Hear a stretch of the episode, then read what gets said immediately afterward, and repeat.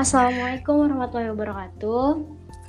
Uh, selamat pagi teman-teman semua. Semangat pagi, pagi, pagi. Uh, hidup mahasiswa, hidup rakyat Indonesia.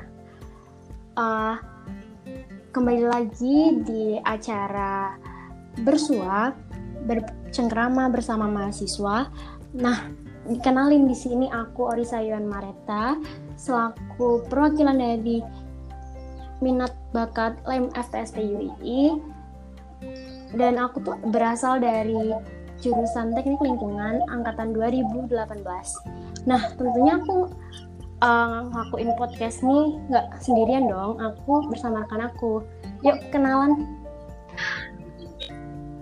Halo teman-teman, nama aku Alia Jauhari. Aku dari minat dan bakat FTSP UII dari arsitektur angkatan 18. Nah, di Mikat ini kita ngapain sih, Oris? Uh, oh iya, ke bidang minat bakat ini kan kita mewadahi minat dan bakat khususnya mahasiswa atau apa kawan-kawan masa FTSP UII di bidang minat dan bakat. Dan kita tuh tentunya nggak minat aja, pastinya juga ada uh, bakat-bakat kita punya bakat-bakat yang mendalam gitu kan jadinya uh, dari bidang minat bakat ini kayak kita memberikan suatu wadah gitu dengar-dengar kalau menurut aku kamu tahu kan wadah kita tuh salah satunya ada UKM kalau UKM sendiri gimana sih jauh kalau periode ini uh, untuk periode ini UKM itu sistemnya diubah dari tahun sebelumnya. Jadi karena tahun sebelumnya itu belum ada pandemi, kan sistemnya itu dilaksanakan secara offline. Terus sekarang itu online tapi karena ada pandemi jadi uh, dari ketum sistemnya berubah. Uh, jadi kayak sistem timnas yang kita itu melatih. Jadi dari himpunan itu ada delegasinya. Nah, dari delegasi-delegasi tersebut nanti untuk diikutkan lomba disaring dan diikutkan lomba untuk mewakili FTSP kayak gitu. Nah, gimana nih uh, banyak nih teman-teman aku yang katanya kan Mikat ini juga ngadain gelar SMA kan, uh, tapi belum ada tuh gelar SMA katanya sampai sekarang. Kenapa ya?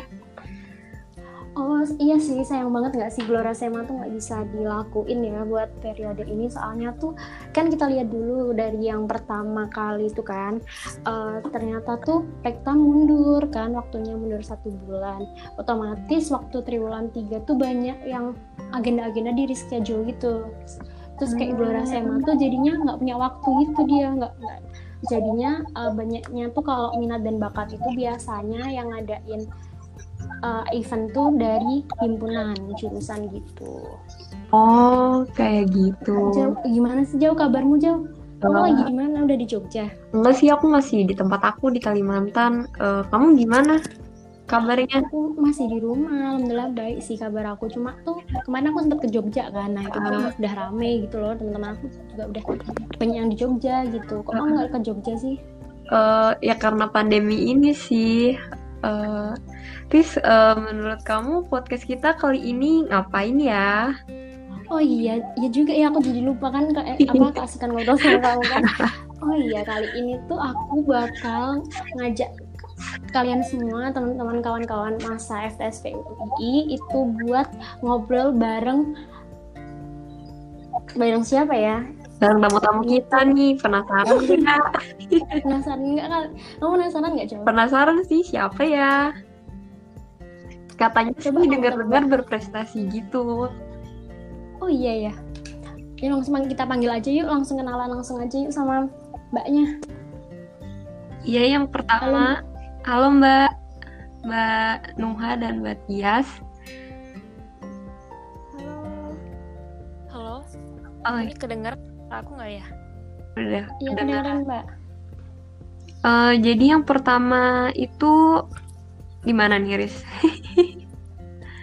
Iya, yang pertama kan pengisi acaranya dari Teknik Lingkungan FTSP UI 2017 ada Mbak Sofi Latifah Nuha Anfarensi, biasa akrab atau biasa dipanggil Mbak Nuha. Bisa memperkenalkan diri, Mbak. Hai, halo. Gimana kabarnya semua? Alhamdulillah baik. Mbak, Mbak sendiri gimana Mbak kabarnya? Alhamdulillah baik juga. Terima kasih sebelumnya uh, Lem FTSP sudah mengundang Mbak gitu. Nama Mbak Sofi Latifah Nuha Faresi, uh, bisa dipanggil Nuha gitu. Um, Mbak dari Teknik Lingkungan tahun 2017, um, Fakultas Teknik Sipil dan Perencanaan pastinya. Gitu. Wow. Mbak Mapres UII ya katanya? Ya katanya siapa? Ya? banyak mbak yang bilang gimana sih? Mbak kok bisa uh, mapres kayak gitu? Uh, maksudnya kok keren gitu sih mbak? Uh, caranya tuh gimana? Ya mbak gimana mbak? Caranya siapa tahu aku sama Al Jauh tuh bisa ikut mbak gitu. Iya jadi mau ya, berprestasi semuanya bisa kok insya Allah berprestasi ya. Iya. um, kalau misalnya sebenarnya jadi mau pres itu um, kalau untuk jadi mapres UI yang juara satunya aku pas tahun 2020 nah untuk tahun 2018 itu aku masih kalau nggak salah itu kok kalau nggak salah 10 besar. Kemudian tahun selanjutnya itu juara dua. Oh oh jadi udah berkali-kali ikut ya mbak Iya, hmm. dari tahun 2018, 19 sama 2020. Oh mantep banget ya. Tiga tahun bertahun berturut-turut ya. Berturut ya. Iya. Kita mah apa ya Jo? Pak Kaprodi. Jadi menurut Mbak itu uh, apa sih mahasiswa berprestasi?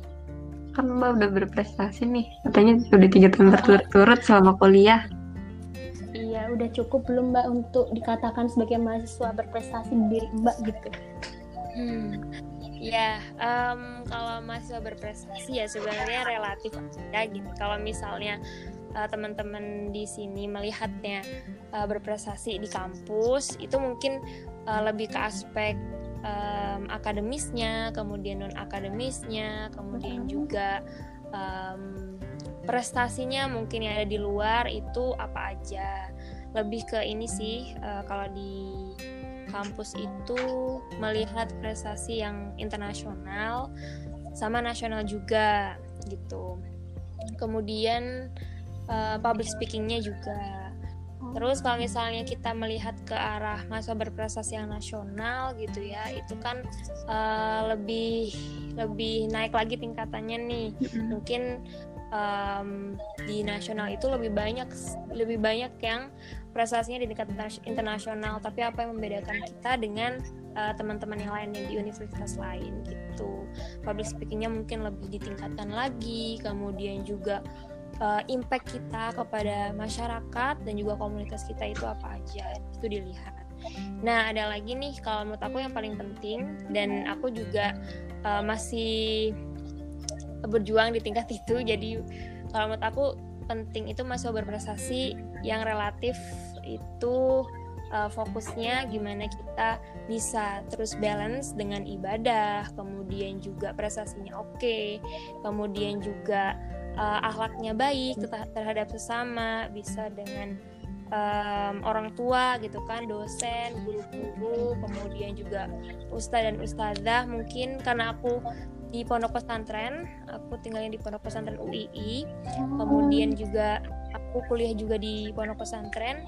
Jadi um, ada lingkungan pondok pesantren juga gitu. Terus sama teman-teman kayak gimana dan sama adik tingkat juga kayak gimana.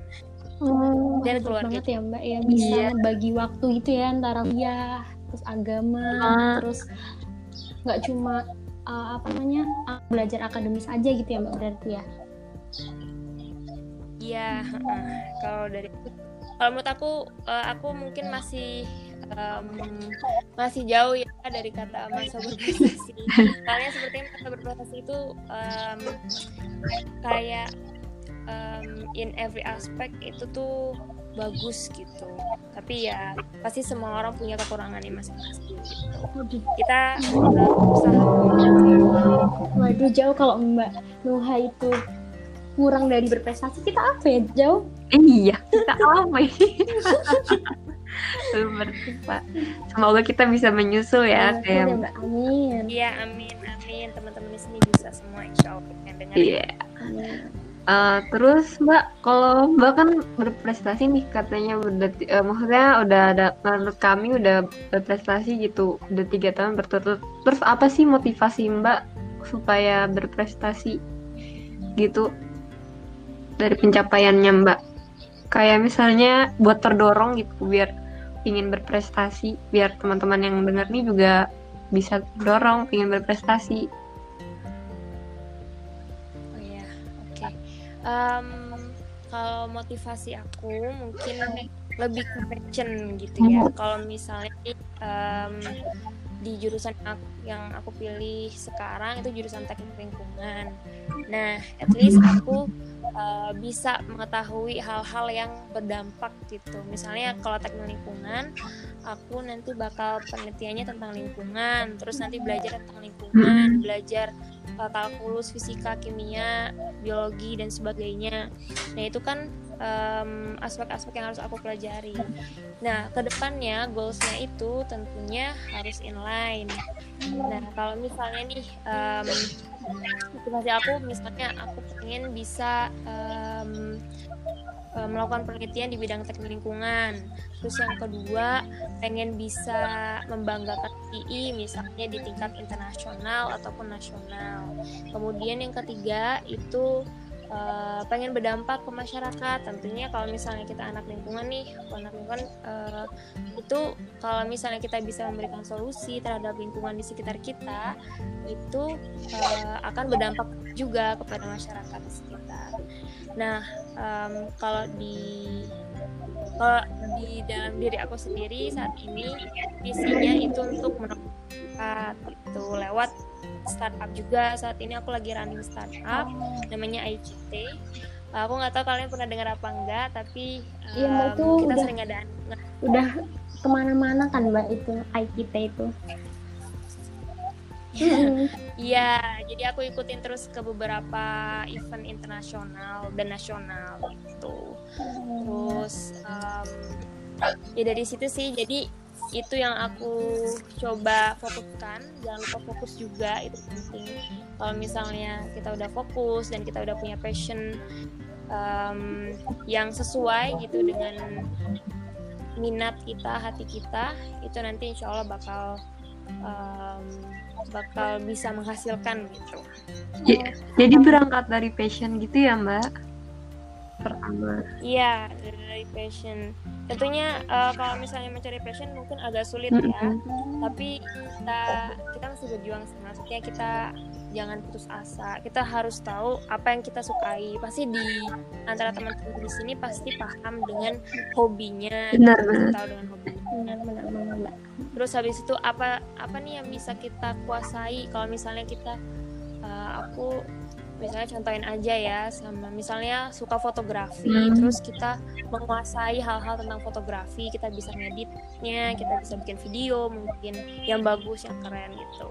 Terus um, kita bisa ngeliat di sekeliling kita atau di sekitar kita atau orang-orang yang kita kenal itu mereka butuh apa sih gitu. Mereka mungkin pengen foto yang bagus yang editingnya cerah, bokeh, filternya bagus, kemudian fokus gitu kan. Nah, itu kita bisa meet antara kita bisa memberikan solusi kepada mereka dan juga mereka bisa uh, mendapatkan apa yang mereka inginkan gitu.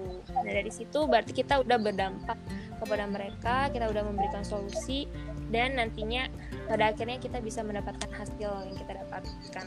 Oh. Uh, terus selama Mbak berprestasi ini, uh, Mbak punya kendala gitu nggak? Pasti ada dong kendala yang dihadapi. Terus gimana cara Mbak ngatasinnya? Um, oh ya, kalau misalnya kendala pastinya banyak. problem-problem terus habis itu ada tantangan juga dan sebagainya hmm. itu banyak ya misalnya uh, karena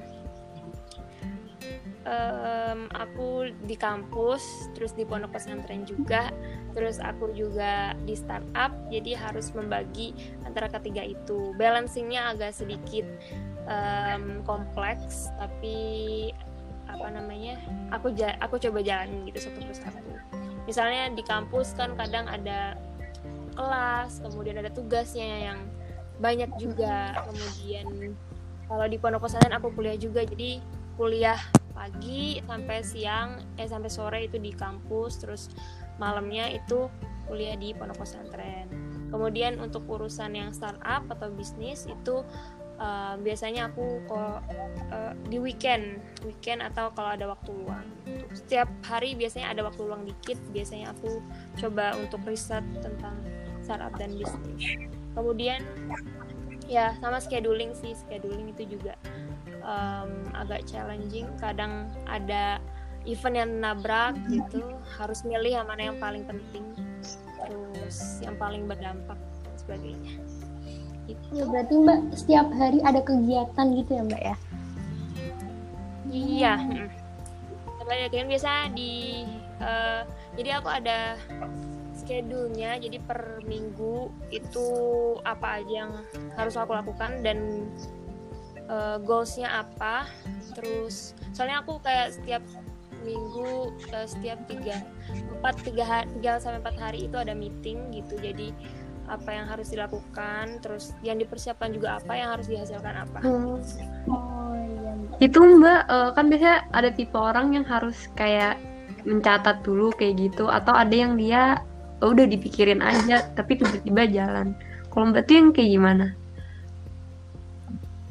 um, bisa oh. dua-duanya kalau aku kalau um, misalnya yang meeting udah berperiodik uh, itu tentunya aku jadwalin uh. itu langsung misalnya dalam enam bulan ini aku bakal ada meeting di hari-hari ini tanggal-tanggal ini tanggal-tanggal ini dan sebagainya terus ada juga yang mungkin uh, kegiatan-kegiatan yang mendadak mungkin ada yang baru ngasih tahu misalnya di uh, rentang minggu-minggu itu terus tentunya aku harus prioritasin yang udah ada dulu. Kalau misalnya udah ada jadwal aku nggak bisa menerima. Kecuali um, sangat penting sekali sangat urgent. Jadi bisa acara mendadak bisa tapi agak sedikit sulit karena biasanya udah ada jadwal. Oh berarti udah kayak terbiasa emang terbiasa ini ya mbak? Ya, dari awal kayak gitu ini mbaknya udah terorganisir gitu ya, gitu, soalnya dia bisa memperkirakan apa ya hari ini ngapain aja terus nanti aku perlu persiapin apa dan hasilnya nanti apa. Terus uh, gimana uh, apa dampak positif yang selama mbak menjalankan kegiatan tersebut? Tapi kan oh iya gimana mbak monggo Oh, belum selesai. Uh, iya, udah uh, kan misalnya Mbak kan pasti dalam berprestasi itu uh, ada uh, pahit manisnya gitu kan. Nah, terus misalnya Mbak udah mencapainya, apa dampak positif yang uh, atau selama Mbak menjalankan kegiatan tersebut, apa dampak positif yang Mbak rasain menurut Mbak?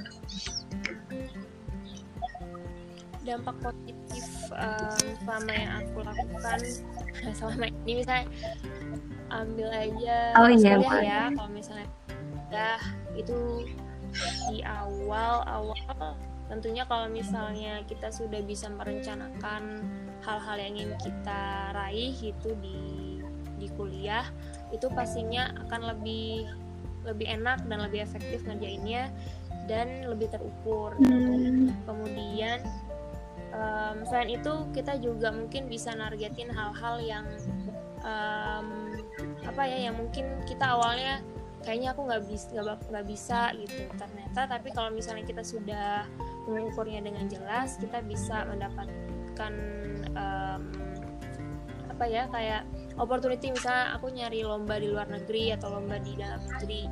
Terus uh, kalau misalnya kita sudah punya punya um, fundamentalnya atau punya apa ya aku nyebutinnya basic skillnya itu nanti bakal bisa uh, keterusan gitu untuk ikut-ikut lomba kayak gitu. Jadi banyakin pengalaman sih kalau misalnya di kuliah ini aku banyakin pengalaman untuk ikut-ikut atau join-join um, event-event internasional ataupun beberapa lomba di nasional. Kemudian nanti kalau misalnya kan ada ada yang gagal juga ada yang berhasil juga dan itu bisa dievaluasi. Apa sih hal-hal yang membuat gagal di sini? Terus gimana caranya untuk yang ke depannya aku bisa um, berhasil gitu? Nah itu sih kalau menurut aku. Terus dampak positif lainnya um, bisa bagi waktu iya alhamdulillah. Tapi masih challenging juga kadang banyak tantangannya uh, kadang juga suka missing juga pernah sering uh, kalau misalnya ada hal-hal yang di luar ada hal-hal yang mendadak ya terus aku mesti ngerjain itu dulu kemudian um, mungkin teman-teman paham lah kalau misalnya di masa pandemi ini kan pada online semua ya. sedih banget ya mbak terus ya. kadang kita lupa gitu um, kita lupa terus pernah missing itu uh, wajar sih kadang kita juga hilaf ya ya tapi mungkin uh, ke depannya kita mesti ini juga kita uh, mesti evaluasi ini kenapa bisa missing terus itu uh, aku harus ngapain gitu. Jadi kita ada perubahan ada change juga. Mungkin ngerjain tugasnya itu di awal waktu mungkin pas uh, ibunya ngasih tugas. Kemudian juga kalau misalnya nggak bisa pun uh, ngerjainnya harus uh, apa diukur waktunya. Kalau misalnya bisa ngerjain mepet itu berapa menit selama berapa menit kemudian uh, kalau misalnya kerja kelompok itu kan lebih enak lagi ya. Kita bisa sharing bareng teman kelompok uh, nelpon atau Google Meetan atau Zoom gitu. Terus kita bisa belajar bareng. Itu aku uh, sering juga karena enakan kayak gitu. Terus bisa waktunya bisa tepat walaupun mepet banget gitu jadi tuh uh, mbak tuh inti uh, bisa dampaknya tuh bisa ngebuat mbak jadi mar, apa mengorganisir semuanya gitu ya mbak? Iya iya lebih ke situ sih. Uh, terus kita bisa apa ya mungkin dulu awalnya kita um, agak slow waktu SMA ya. Bener-bener banget. Beda banget sama kuliah ya. Agak slow. Tapi kalau misalnya kita udah punya goal sendiri itu nanti apa namanya bisa terorganisir sendiri gitu. Dan kita paham sama diri sendiri oh aku orangnya mepet gitu ya. Aku orangnya deadlineers hal hal-hal apa aja nih yang harus aku lakukan di awal biar nanti kalau misalnya ngerjain um, satu deadline itu nggak bakal missing atau intinya ya apa namanya nggak telat gitu. Jadi itu sih. Kemudian apa lagi ya kalau dampak positif? Uh, kalau dari kalian sendiri ngelihat ngelihat masa prestasi itu kayak gimana ya aja bisa dijawab. Um, kalau misal dari aku sih ngeliat mahasiswa berprestasi itu kayak keren gitu. Soalnya kayak mereka tuh udah tahu kan uh, pertama mereka udah tahu passion mereka apa. Terus mereka tuh serius gitu buat ngejalanin. Ya nggak sih mbak? Menurut mbak kayak gitu. Kayak yang kata mbak tadi kayak berangkat dari passion terus diikutin passionnya uh, dengan itu kayak lebih mudah berprestasi. Menurutku orang-orang yang berprestasi itu keren karena mereka udah tahu passion terus mereka itu uh, kayak udah komit tuh buat ngejalanin apa yang mereka udah mulai gitu. Kalau menurut kamu gimana, Riz? Iya mbak kalau Iya aja ya mbak. Jadi tuh kalau menurut aku sendiri mahasiswa berprestasi itu yang aku lihat gitu kan eh, rata-rata uh, tuh bener kayak kata Mbak Nuha tadi udah mengenali diri dia sendiri gitu. Yang pertama apa passion dia apa gitu kan. Terus uh, yang hebat aja gitu bisa membanggakan orang tua khususnya gitu kan membanggakan diri sendiri juga. Terus pasti udah punya pengalaman banyak gitu. Jadinya uh, menurut aku tuh mereka tuh udah apa ya oh kayak udah ngerti diri mereka. Jadinya mereka bisa ngembangin pikiran mereka. Jadi mereka punya inovasi inovasi untuk menghasilkan sesuatu atau gimana gitu sih mbak Oke. Okay.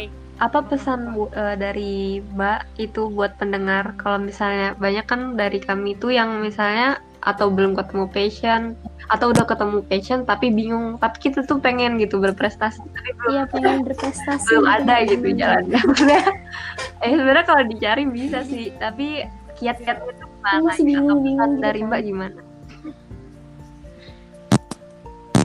um, kalau pesan dari aku uh, untuk jadi mahasiswa berprestasi ya sebenarnya um, setiap orang itu pasti punya keunikan masing-masing, itu punya passion masing-masing. Cuman mungkin kita um, terlalu apa ya, terlalu fokus sama lingkungan di luar diri kita gitu. Mungkin kita bisa mencarinya kalau misalnya kita di um, kita punya suatu goals yang pengen kita raih gitu.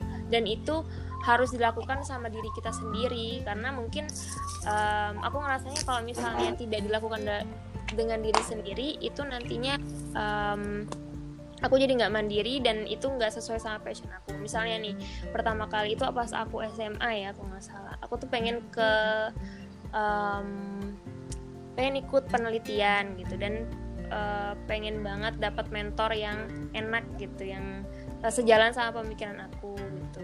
Dan waktu itu pernah um, dapat kesempatan buat ikut lomba namanya itu LKIR gitu LKIR uh, aku nggak tahu kalian pernah dengar namanya LKIR LIPI pernah oh dengar? itu kayak karya ilmiah remaja gitu mbak Iya, itu kayak karya ilmiah remaja, fokusnya ke penelitian dan nanti kita bakal penelitian kita bakal dibantu sama lembaga ilmu Indonesia gitu. Nah, yang tertariknya aku di situ karena um, mereka tuh menetapkan bahwa kalau misalnya juara gitu menang di Elkir itu nanti bakal ke Los Angeles gitu ke US habis itu aku tertariknya itu sih maksudnya aku oke okay, goals aku aku nanti pengen bisa ke US gitu. Oh iya habis itu keren banget ya mbak. Dibiayain juga nggak sih mbak kayak gitu mbak? Iya waktu itu aku dibiayainnya tapi sama pihak bukan dari lipinya dibiayain sama sponsor hmm. dari luar. Um, terus habis itu aku lanjutin ya ini oh, kita cerita ya ya juga nggak apa-apa mbak. Maaf mbak ya terus dari situ um, ya udah akhirnya aku coba apa namanya mencari ide dan sebagainya. Aku coba lakukan uh, di, uh, apa namanya lakukan sendiri. Tapi kemudian um, tentunya aku butuh partner juga aku butuh teman untuk melakukan penelitian dan aku dapetin teman sebangku aku waktu kelas 1 SMA waktu itu. Yaudah akhirnya kita bareng join bareng. Dan um, kita coba masukin dan alhamdulillah masuk gitu lolos untuk di untuk penelitian di lembaga ilmu Indonesia gitu. Nah di situ sih kalau misalnya kita sudah punya goals gitu uh, goals aku waktu itu selain ke US ya itu pengennya nanti hasil penelitian ini bisa bermanfaat gitu bagi orang lain. Terus bisa memberikan solusi juga ke orang lain yang aku targetin terutama di daerah-daerah lingkungan aku gitu. Nah um, ya udah akhirnya ngelakuin itu terus tentang tantangnya banyak soalnya aku harus balance juga antara SMA waktu itu aku kelas 3 juga tryout terus mau UN sama nge-lab juga di di LIPI gitu kan. Nah, alhamdulillah uh, dengan kerja keras dan juga apa namanya kita coba untuk nggak putus asa gitu walaupun kelihatannya itu hampir hampir mau keluar gitu gitu. Dari, dari uh, apa namanya hiruk pikuknya penelitian ini tapi alhamdulillah kita bisa lolos gitu ke uh, di nasional. Jadi kita jadi uh, bisa ikut apa namanya seleksi juga untuk ke internasional yang aku bilang tadi ke Los Angeles gitu Yaudah sebenarnya kita nggak nyangka bisa bisa dapat gitu. Terus habis itu kita coba seleksi lagi dan alhamdulillah kita bisa dapat undangan ke US gitu.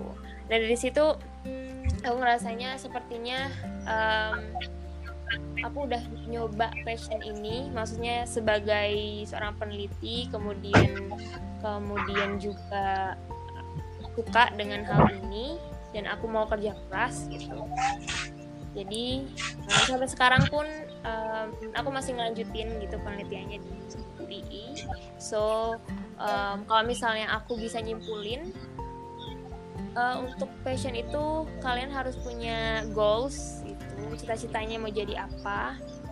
Terus habis itu kalau misalnya sudah uh, punya ini nih punya gambaran mau jadi apa tentunya harus ini harus fokus ke itu ke hal yang ingin kalian capai gitu.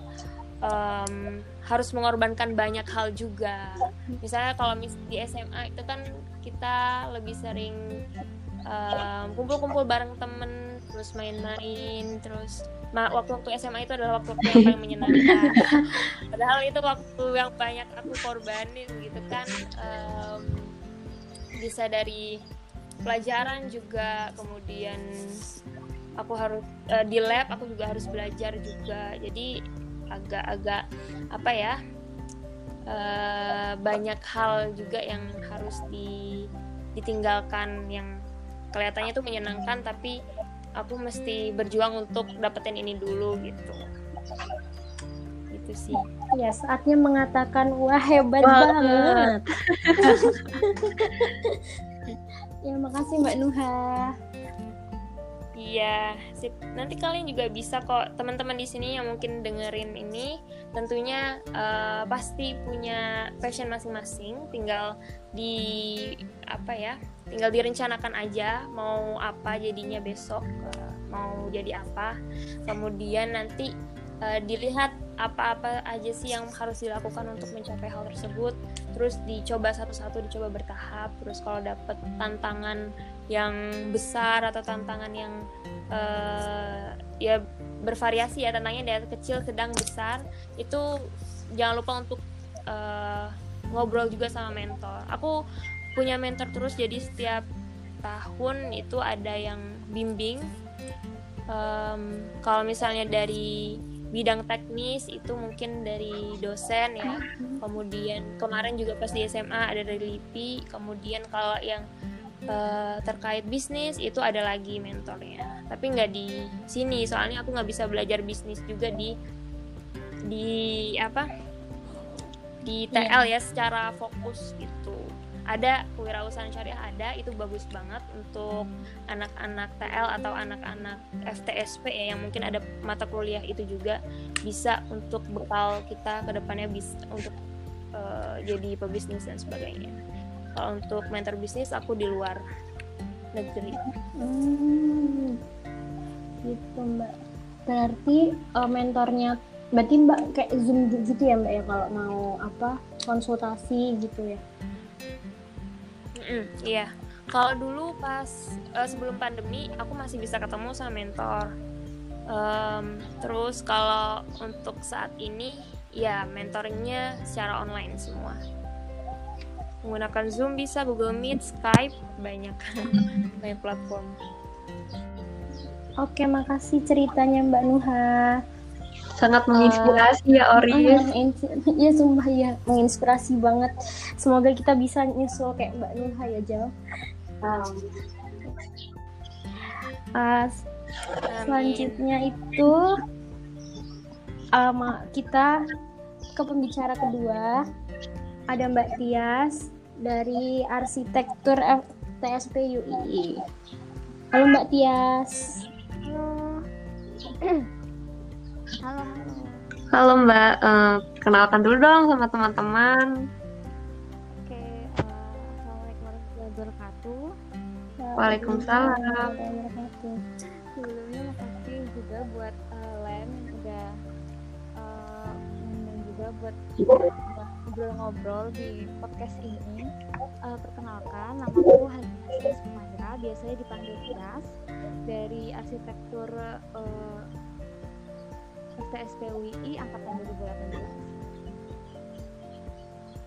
2018. Wah, um, katanya Mbak ini ya uh, kemarin habis pertukaran tuh. Iya katanya sering keluar negeri pertukaran pelajar gitu nggak sih Mbak? Ceritain dong Mbak. Baru kemarin baru kemarin ini dapat kesempatan dari uh, dari jurusan sendiri buat ikut uh, exchange Wah, uh, bisa dong Mbak di spill uh, gimana tuh cara dapetin uh, pertukarannya? Uh, uh, terus uh, apa yang Mbak alami di sana? Sebenarnya kalau ditanya gimana caranya, aku sendiri juga ngerti ya gimana caranya. Karena uh, kenapa bisa keterima sendiri? Ya hanya dosen waktu itu yang nyeleksi dan Allah yang cuman uh, sebenarnya yang dari background lulus dapat sesuatu mimpi mimpi sederhananya kayak eh pengen luar negeri nih pengen naik pesawat pengen jalan-jalan kan kira anak kecil waktu nah, tapi uh, ternyata mimpi itu tuh kebawa sampai gede uh, pas masuk kuliah kebetulan asik uh, ada kesempatan untuk itu akan ada kerjasama terus ya akhirnya karena uh,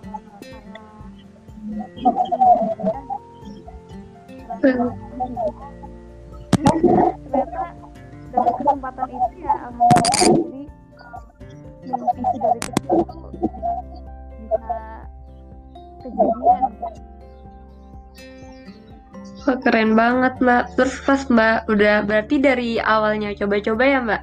Terus tiba-tiba terima gitu. Terus perasaan mbak gimana pas dapetin itu buat pertama kali? Uh, Alhamdulillah ya nggak nyangka juga karena ya siapa sih yang nggak pengen kayak gitu juga karena itu uh, kesempatan yang menurut aku pribadi juga berharga karena pasti bakal banyak pengalaman yang bisa didapatkan jadi ya waktu itu nggak nyangka juga kok bisa ya gitu. Padahal uh, awal sebelum ikut itu tuh ya minder terus nggak pede juga. Kayak baru semester juga ngapain? Uh, berani banget gitu ngajuin ikut ke seleksi itu. Tapi ya alhamdulillah karena support dari orang-orang terdekat yang bilang udah coba aja dulu gitu. Terus juga support orang tua yang nggak nggak berhenti berhenti buat uh, berani untuk nyoba ya akhirnya alhamdulillah uh, dapat rezeki. Bisa ikut Oh, alhamdulillah ya Mbak. Terus uh, kan katanya Mbak ini waktu kuliah pas pertukaran tuh ini ya lagi pandemi. Terus pas Mbak pandemi di sana gimana? Apa yang Mbak lakuin? Uh, apa uh, apa perasaan Mbak pas kuliah pandemi kan pasti susah ya. Berarti nggak keluar gitu kan? Terus apa yang Mbak lakuin? Misalnya kegiatan seperti uh, menulis kah ya untuk menutupi itu atau mbak berprestasi di sana kah? Mungkin waktu itu kuliahnya cuma baru sebulan, kayaknya baru sebulan jalan, terus tiba-tiba pandemi, terus pemerintah Turki langsung lockdown total gitu kan, jadi nggak boleh keluar selama tiga minggu nggak salah. Tapi ya uh, selagi uh, pandemi gitu yang dilakuin pas jalan ya jadi tetap online. Terus uh, panjangnya diisi sama baca-baca literasi atau hobi ngelakuin hobi. Misal aku sendiri pribadi hobinya masak gitu. Jadi ya jadi banyak masak. Terus habis itu uh, kalau kadang selalu juga kadang gambar-gambar sambil ngerjain tugas. Jadi diimbangin aja sambil ngerjain hobi terus sambil kuliah juga jadi bosan aja. Uh, ya bingung kan kayak pertama kali wah tiga, tiga minggu gak boleh keluar gitu jadi ya itu paling ngerjain kegiatan-kegiatan yang uh, dibilang produktif banget tapi sebenarnya enggak tapi at least nggak nganggur lah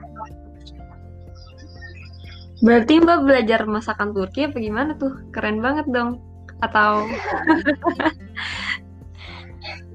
Iya, masakan Turki lumayan lah. Nggak susah nggak Mbak? Nggak susah sih susah sebenarnya. Tapi ya akhirnya rasanya ya segitu-gitu aja rasanya. Tetap cita rasa Indonesia tetap ada walaupun kita Karena emang kita orang Indonesia ya Mbak. kita dari Indonesia. Uh, nah untuk itu uh, uh, menurut Mbak uh, berprestasi itu gimana nih? Aku berprestasi tuh kayak Mbak Nuha tadi, wah itu keren banget sih.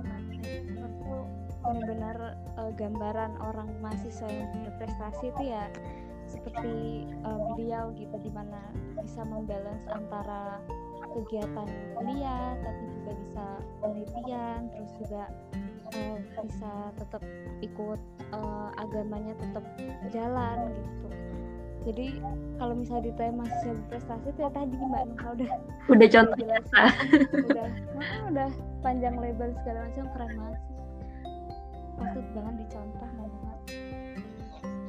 Eh, terus eh, kan kalau Mbak sendiri yang ke Turki tadi eh, selain pandemi ada kendala lain nggak? Terus gimana cara ngatasinnya?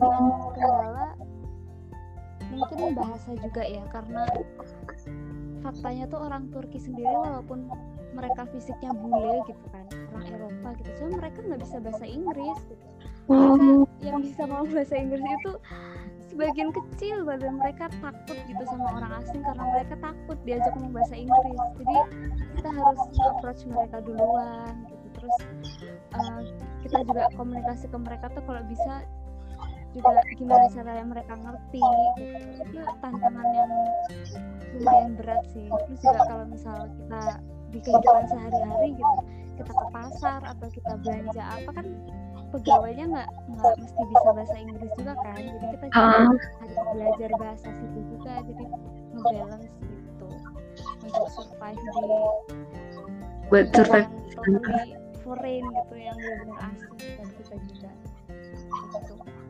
Terus untuk bahasa sendiri tuh Mbak diajarin sama teman di sana atau belajar sendiri? kalau bahasa sendiri belajar sendiri juga diajarin juga iya kan karena se waktu itu serumah itu kan tinggal sama mas mahasiswa gitu yang udah lebih lama di Turki jadi kalau misalnya jalan-jalan bareng tuh oh sambil dengerin oh ternyata bahasa Turkinya untuk mengucapkan terima kasih itu gini gitu terus budaya-budayanya di Turki ternyata begini begitu jadi banyak belajar lewat kehidupan sehari-hari Hmm. Eh, dari pembelajaran itu pasti Mbak ada dampak positifnya dalam menjalankan kegiatan tersebut. Nah, menurut Mbak apa tuh kegiatan positif yang Mbak dapat? Banyak ya positifnya banyak banget. Terlebih kayak eh, pengalamannya tuh banyak ngasih pelajaran dari pak itu misal jadi eh, kita juga banyak belajar. Terus karena sebenarnya aku sendiri pribadi tuh lingkungan hidup dari SD SMP SMA kan di Jogja kan. Jadi kayak nggak pernah keluar dari zona nyaman gitu terus eh, karena ada kesempatan ini jadi lebih mandiri lebih bisa belajar manajemen waktu terus manajemen eh, finansial gitu. Misal terus juga eh, positifnya lagi kita dapat teman baru gitu. Nggak cuma orang Turki aja yang eh, bisa jadi teman baru kita tapi banyak teman-teman dari Malaysia terus teman-teman dari negara lain juga kita banyak kenalan jadi senang aja kita ngelakuinnya Berarti udah dapat teman banyak ya Mbak dari mancanegara. Eh, terus eh, bagaimana Mbak cara bagi tadi katanya bisa kan kalau kuliah di luar pasti kita harus pintar bagi waktu. Terus yang kedua juga pintar manage keuangan kan. Nah itu kayak gimana tuh Mbak yang cerita? Buat tips-tips mungkin bagi kita. kayak Mbak Nuha tadi cerita juga eh, susun skala prioritas kali ya. Jadi kita ngerti mana yang lebih penting kita ngerti mana yang urgent jadi pilah-pilah. Terus dibikin schedule kita kita eh, jadwalin oh yang harus kita lakuin tuh dulu sebelum sebelum ngelakuin A kita harus ngelakuin apa dulu. Jadi kita punya kayak gambaran gitu alur alur tentang kegiatan kita tuh mau apa aja. Terus juga selain itu menurutku penting banget buat uh, tahu tentang kondisi diri sendiri. Karena yang karena yang ngelakuin kita yang ngerti diri sendiri juga kita. Jadi kalau misal ngerasa capek ya udah istirahat. Terus uh, kalau ngerasa udah baikan lagi yuk kejar lagi. gitu Hmm, apalagi Arsi sibuk banget mereka. Iya, Arsi, aduh. jadi ya itulah. Harus walaupun aku juga masih belajar tapi menurutku itu yang sekarang lagi aku coba untuk terapin. Kalau di sana Mbak sering ini nggak keluar-keluar terus kayak live sketch? Kan biasanya Arsi suka tuh live sketch. Sambil duduk di jalan gambar. Tipikal arsi banget jawab kayak gitu. Iya. Mungkin kalau live sketch tuh jarang sih ya karena apa ya karena males bawa sketchbook ya terutama. Lebih ke ini sih kalau di sana tuh lebih ke belajar sejarahnya. Kan banyak tuh eh, museum-museum peninggalan uh, Ottoman dan segala macam oh iya benar. Sejarah Karena Islam. lebih, asik. Ya lebih asik buat nge-explore museum-museum gitu. Oh ternyata selama ini yang kita baca dari buku atau selama ini yang kita dengar dari dosen oh, ternyata kayak gini. Terus kita di sana juga eh, apa namanya aku ngambil mata kuliah tentang eh, arsitektur Ottoman juga oh ternyata yang aku pelajari itu bentuk realnya seperti ini jadi lebih asik aja melihat fisik dari apa yang kita pelajari oh jadi eh, di sana itu eh, yang terleb- yang lebih kental itu ini ya pelajaran arsitektur pada masa dahulu kayak pada masa Islam gitu. ya sejarah-sejarahnya Iya sih dari eh, banyak masjid-masjidnya yang udah terkenal dalam sejarah Islam. Eh, terus eh, menurut Mbak apa nih pesan-pesan untuk mendengar apabila ingin berprestasi kayak Mbak buat keberanian nih buat pertukaran kayak gitu? Mungkin awal-awal tuh aku takut buat memulai jadi lebih berani aja karena nggak ada salahnya gitu untuk daftar tuh nggak ada ruginya juga nggak ada nggak ada apa ya nggak ada bad impact juga ke kita jadi nggak ada salahnya untuk mencoba. Itu yang pertama jangan takut buat mencoba. Terus eh, mungkin untuk mempersiapkan itu juga tuh eh, fokus gitu fokus sama apa yang kita kerjakan eh, dan bikin standar kita sendiri tanpa memikirkan endingnya kayak gimana. Kayak misal kita kerja keras tuh kita nggak usah mikir aduh ini akhirnya bakal kayak gimana ya gitu. Mungkin daripada menghabiskan energi di situ kita bisa eh, lebih menghabiskan energi di apa yang kita kerjakan tuh supaya lebih fokus dan pasti hasil itu kan tidak akan meng- mengkhianati usaha kan. Jadi itu yang pertama. Terus eh, eh, juga susun target tentang apa yang mau kita capai karena ternyata eh, ya itu sesimpel sesimpel mimpi dari kecil yang pengen naik pesawat terus jalan-jalan ke luar negeri belajar itu ternyata kalau misal kita kita jadiin target tuh ternyata lama-lama bisa kecapai sendiri gitu dengan usaha juga. Terus eh, ya itu Mbak juga bilang kalau misal udah ada target itu kita juga jadi bisa nemuin passion kita di mana terus bisa ngelakuinnya juga lebih lebih ada gambaran dan lebih ada alurnya. Terus eh, last but not least mungkin berdoa sama minta kemudahan sama yang maha pemberi kemudahan. Karena tanpa tawakal juga ikhtiar kan kayak hampa gitu jadi itu juga penting menurutku Ah, sangat menginspirasi ya apa yang dijelasin oleh Mbak Iya sama Mbak Nuha tadi. Makasih ya Mbak atas waktu yang telah disempatkan untuk mengisi podcast bersama kami di Bersua Tiga. Sama-sama. Eh, Terima kasih. ini dari eh, dari aku eh, karena waktunya sudah mencukupi sudah habis Eh, untuk teman-teman jangan lupa eh, tunggu di podcast selanjutnya di podcast bersua 4 yaitu eh, untuk teman-teman juga kalau misalnya mau ada request komen atau pembicara boleh banget DM ke aku atau ke Oris atau juga bisa DM eh, di lem di IG lem FTSP UII untuk konten dan pembicaranya juga bisa banget kalian request ke kami. Nah, akhir kalam dari kami eh, sampai jumpa di podcast bersua 4. Terima kasih semuanya. Assalamualaikum warahmatullahi wabarakatuh.